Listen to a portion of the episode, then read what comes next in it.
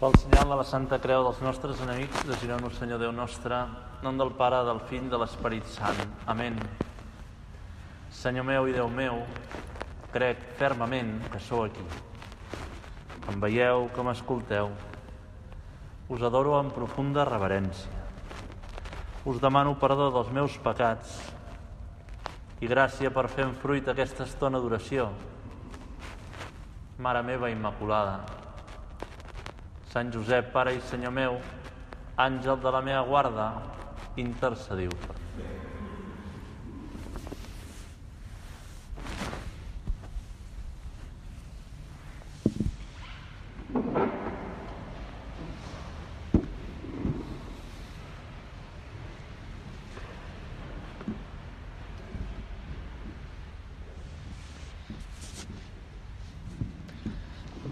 Amb la vostra llicència, sobirà Senyor sacramentat.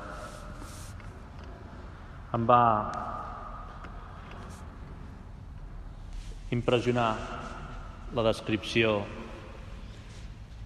que fa Michel Gasnier dels desposoris de Maria i Josep. Normalment tenien lloc més o menys un any abans del matrimoni. Però no era només un prometre's l'un a l'altre,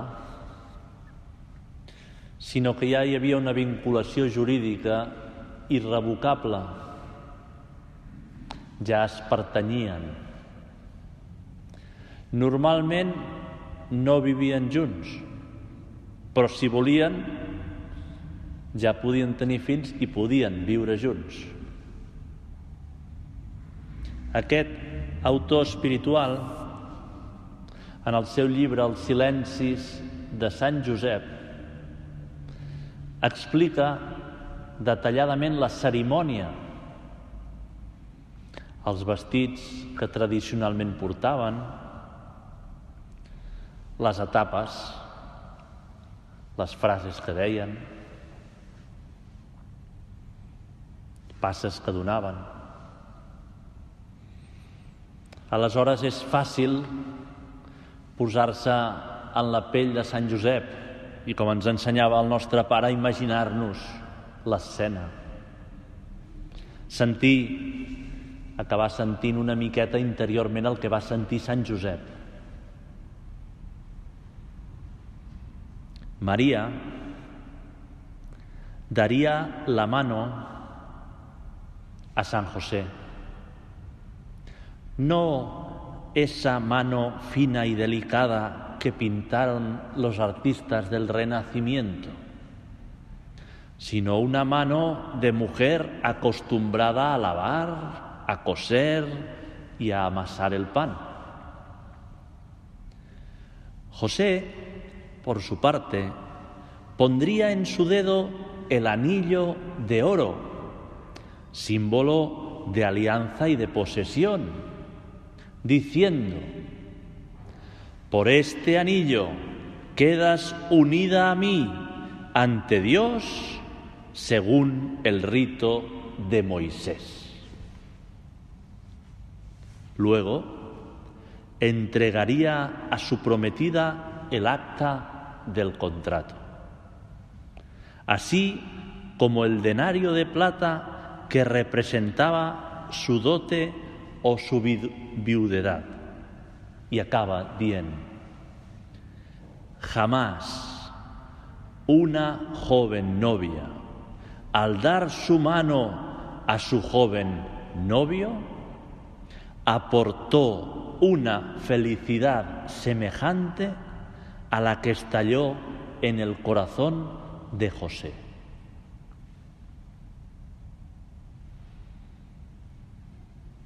Podem imaginar Jesús al cor de Sant Josep, omplert, omplert, omplert. La felicitat del moment.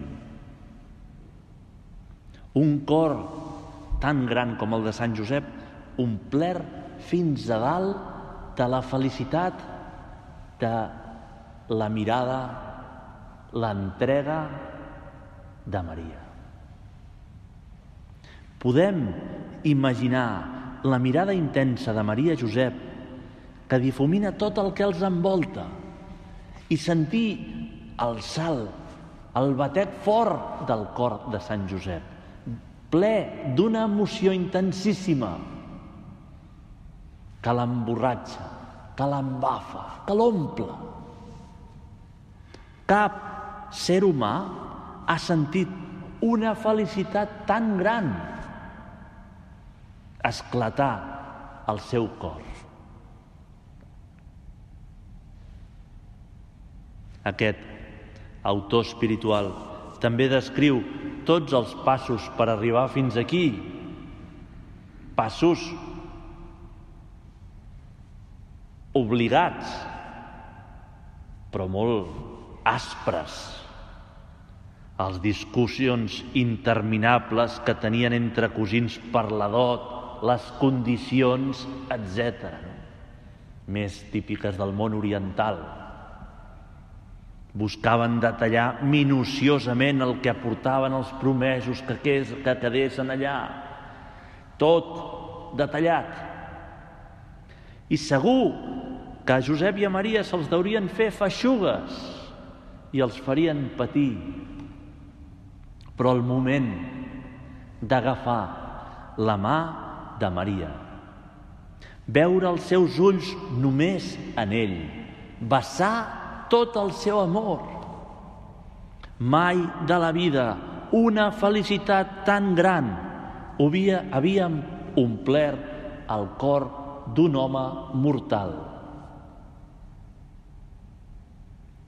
Aquesta mirada és el reflex més aproximat que tenim cada, cada un de nosaltres de la vocació.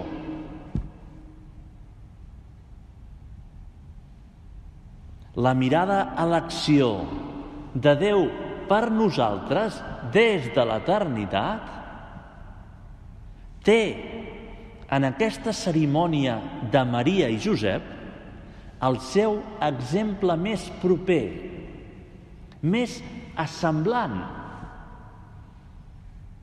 una còpia a la nostra mesura, palpable, que podem entendre del que significa la vocació, del que ens hauria d'omplir, del que ens omple la vocació. La mirada a l'acció de Déu, que fa passar per damunt de totes les coses feixugues i aspres que ho poden envoltar. La mirada de la criatura més pura, concebuda sense pecat original. A l'agafar la mà de Sant Josep, els sentiments de felicitat impossible que omplen el cor de Sant Josep. Això és la vocació de supernumerari. Això és la vocació de numerari, això és la vocació d'agregat. Aquesta és la vocació. Ni un gram menys. La mirada absolutament pura de Déu que ens diu tu ets meu. Tota la teva mirada, Senyor nostre, ficada en mi, introduïda en mi, abraçant-me tot jo. I és bonic el detall de la mà. Em dóna la mà. Et vull així, tal i com ets. No vull la imatge perfecta de supernumerari que podem portar dins el cap. No, no, et vull així, et toco en la teva tendresa, en la teva materialitat, en la teva virtuts i defectes.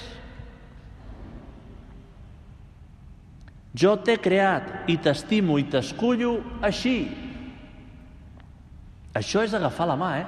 Això és tocar-nos, tal i com som.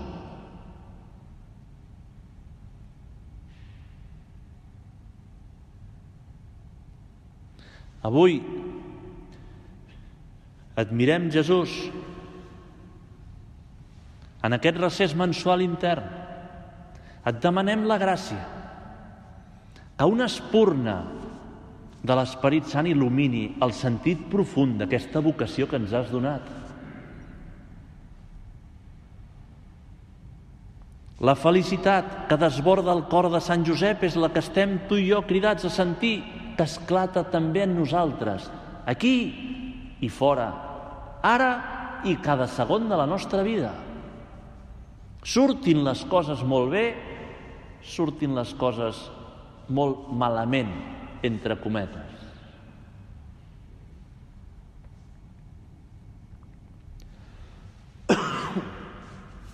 Això és el que vol Jesús. Nosaltres, però, Jesús, no tenim la grandesa de Sant Josep. Potser tantes vegades. No aconseguim superar els neguits l'atabalament del món, com ell va superar les negociacions dels parents i les formalitats pesades i aspres. No tenim aquesta grandesa. I hem de lluitar per trobar la mirada de Déu enmig de tants imprevistos, de tantes imperfeccions de tants sotracs. Haig de lluitar per trobar aquesta mirada. Però tu, Jesús, em continues mirant, esperant que tota l'emoció del seu cor, tota la felicitat que vol vessar en el meu cor m'ompli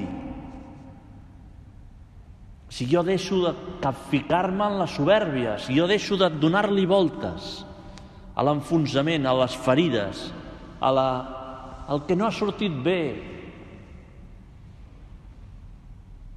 Quan un amic, un gran amic, et fa un regal, un gran regal, que li ha costat molt, que s'ha sacrificat molt, que és molt important per ell, i espera davant teu que tu l'obris, Compte amb la cara que poses, perquè pots perdre un amic, el pots ferir molt profundament. Així Déu espera, també a través de contrarietats i debilitats, de ferides i de coses dolentes. Així tu, Senyor, esperes.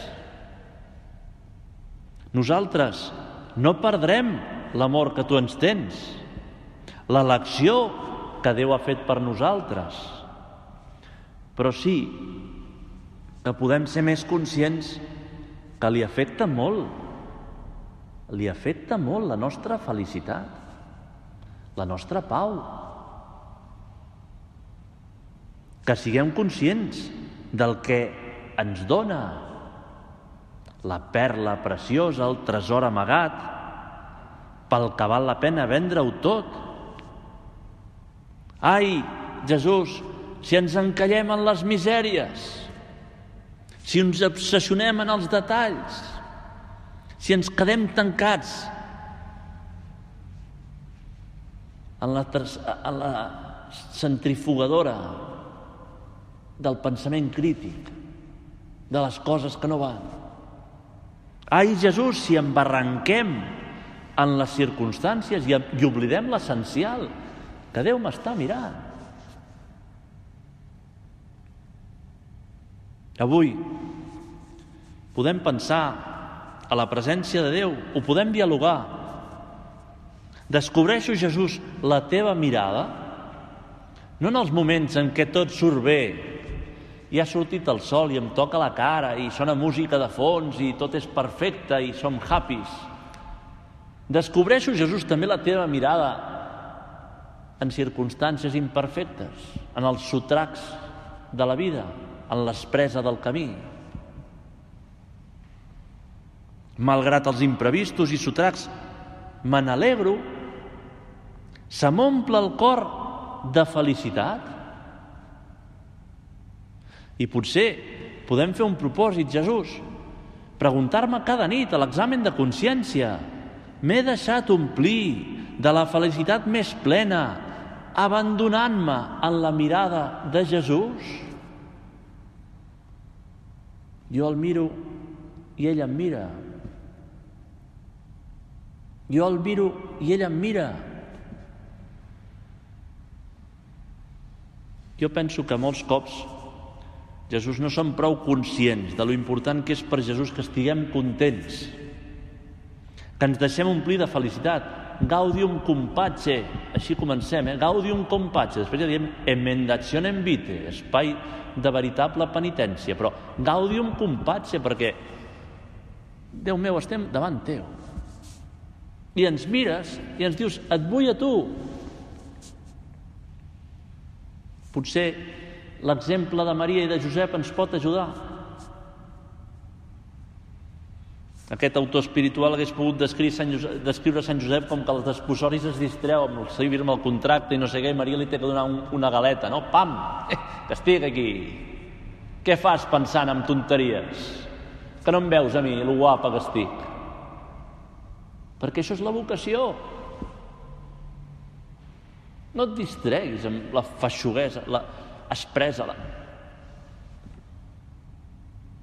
Així és la mirada teva, Senyor, per nosaltres.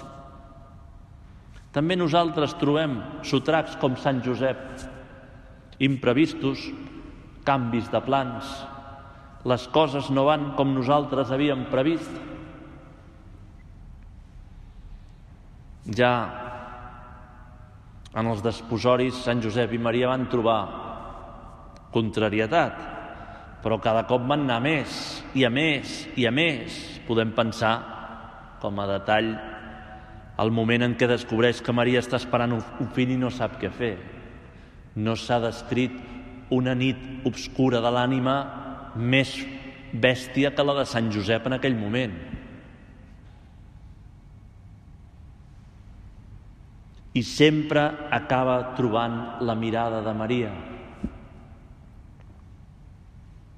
sempre acaba trobant la mirada de Maria. Dimecres, al posar la cendra al cap a les nenes del col·le, els hi vaig preguntar a les de tercer de primària on acaba la quaresma? Van aixecar la mà. Ràpidament una va contestar a la terra promesa a la terra promesa. Uns dies abans a la plàtica els hi havia fet un paral·lelisme de la fugida de l'esclavitud d'Egipte fins a la terra promesa on havia de demanar llet i mel. Brullar llet i mel. Els 40 anys en què el poble israelita ha de canviar el cor perquè per arribar a la terra promesa no és la distància física la que importa, sinó canviar el cor L'esclavitud d'Egipte, símbol de la nostra esclavitud, de la soberbia, de voler fer nosaltres les coses, de tenir-ho tot dominat, les nostres seguretats, les nostres suficiències. I aquests 40 dies de Quaresma per arribar a la Pasqua, a la presència de Déu, a trobar-nos amb la mirada de Jesús. Tu ets meu.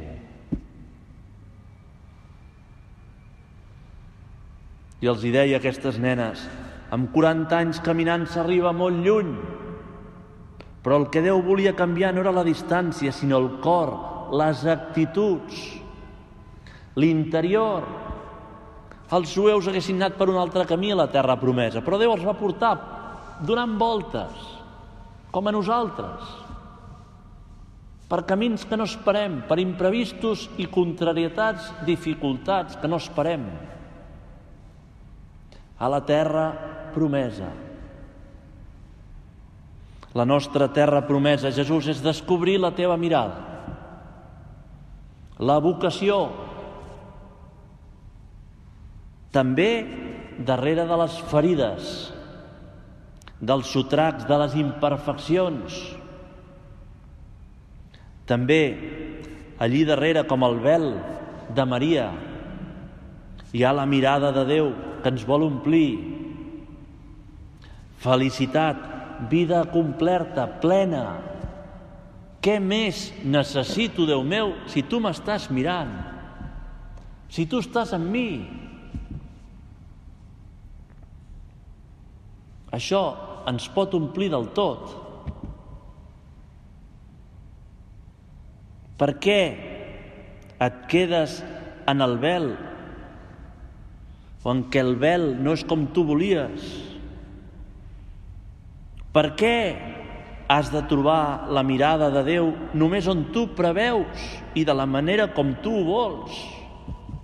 Ja ho van intentar els jueus, fer un vedell d'or a la seva mesura. Un Déu mesurable, un Déu que pogués importar d'una banda a l'altra. Els se'l van tinguer que fondre i veure-se'l.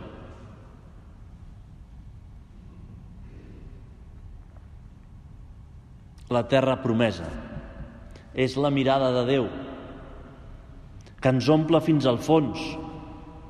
I ara, amb els sacrificis de Quaresma, podem buscar-la més intensament en els desànims, en les coses que no surten com volem. Quants segons trigo, Jesús, en mirar-te quan s'encén la rabieta per dins, quan s'encén l'orgull, quan tardo en canviar la impaciència, el cansament? Quan tardo en descobrir la teva mirada? Mira quin sacrifici més maco.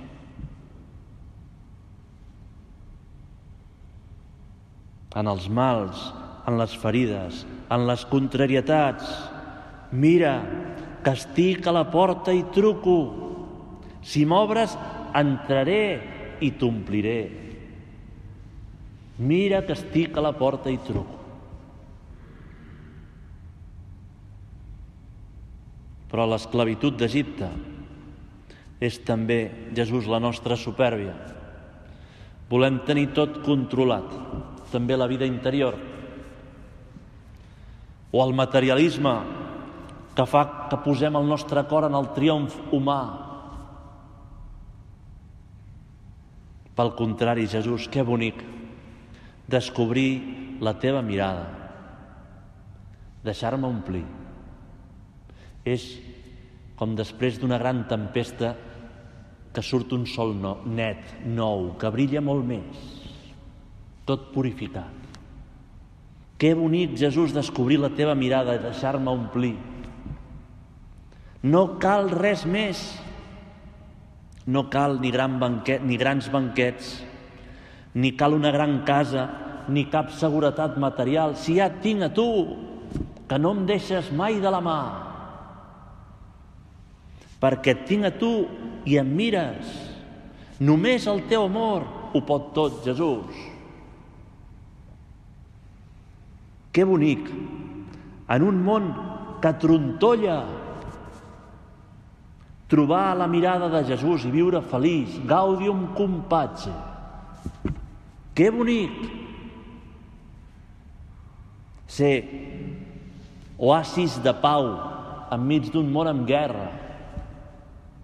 Que bonic! Trobar-se la mirada de Déu. Que bonic! Que ple! És que esclata el nostre cor com el de Sant Josep, Jesús, si som conscients, si ens n'adonem més. Es pot dilatar el nostre cor i ens pot omplir cada vegada més l'amor de Déu. La vocació. Agafa'm la mà, Jesús, fes-me sentir la teva proximitat, perquè el meu cor és dèbil i s'enganxa a les coses. Ajuda'm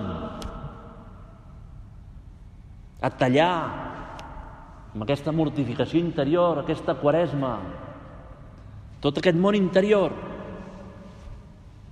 per mirar-te tu, per descobrir-te tu i abandonar-me amb tu, deixar-ho a les teves mans, quan ja no pugui fer res més.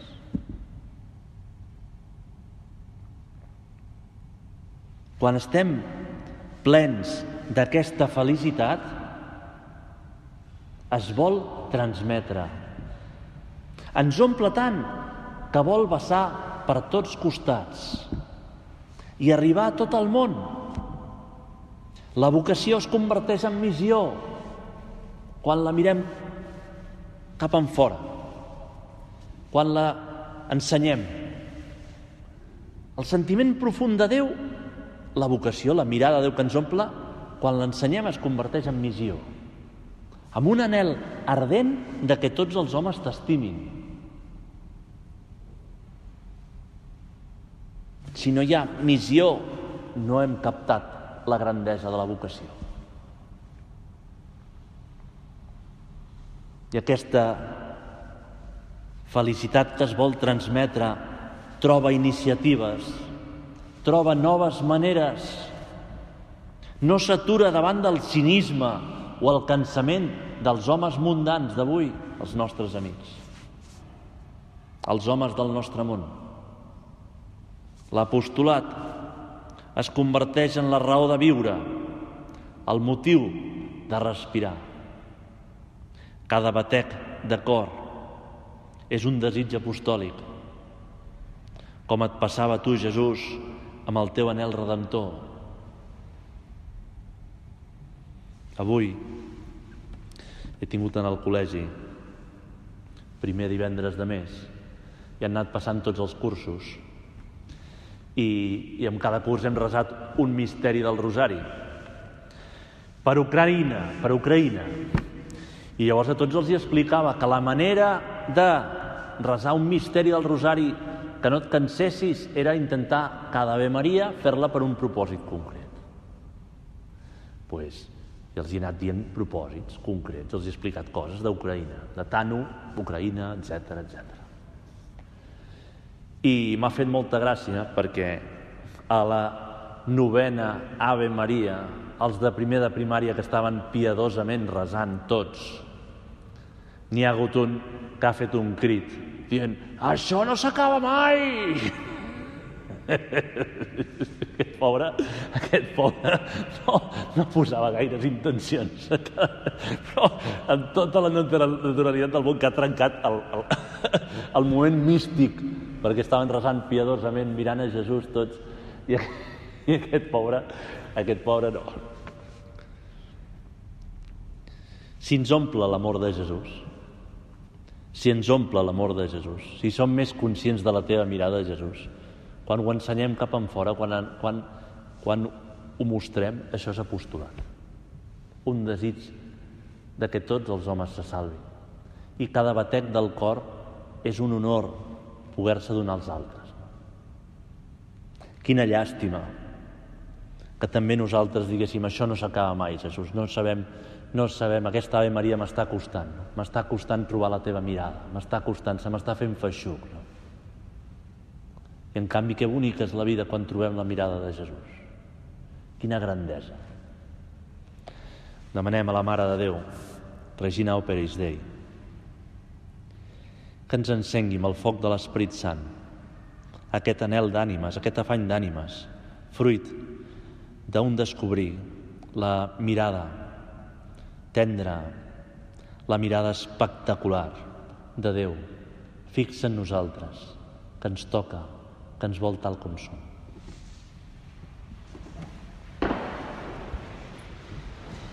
Us dono gràcies, Déu meu, pels bons propòsits, efectes i inspiracions que m'heu comunicat en aquesta meditació. Us demano ajuda per posar-los per obra. Mare meva Immaculada, Sant Josep, Pare i Senyor meu, àngel de la meva guarda, intercediu per mi.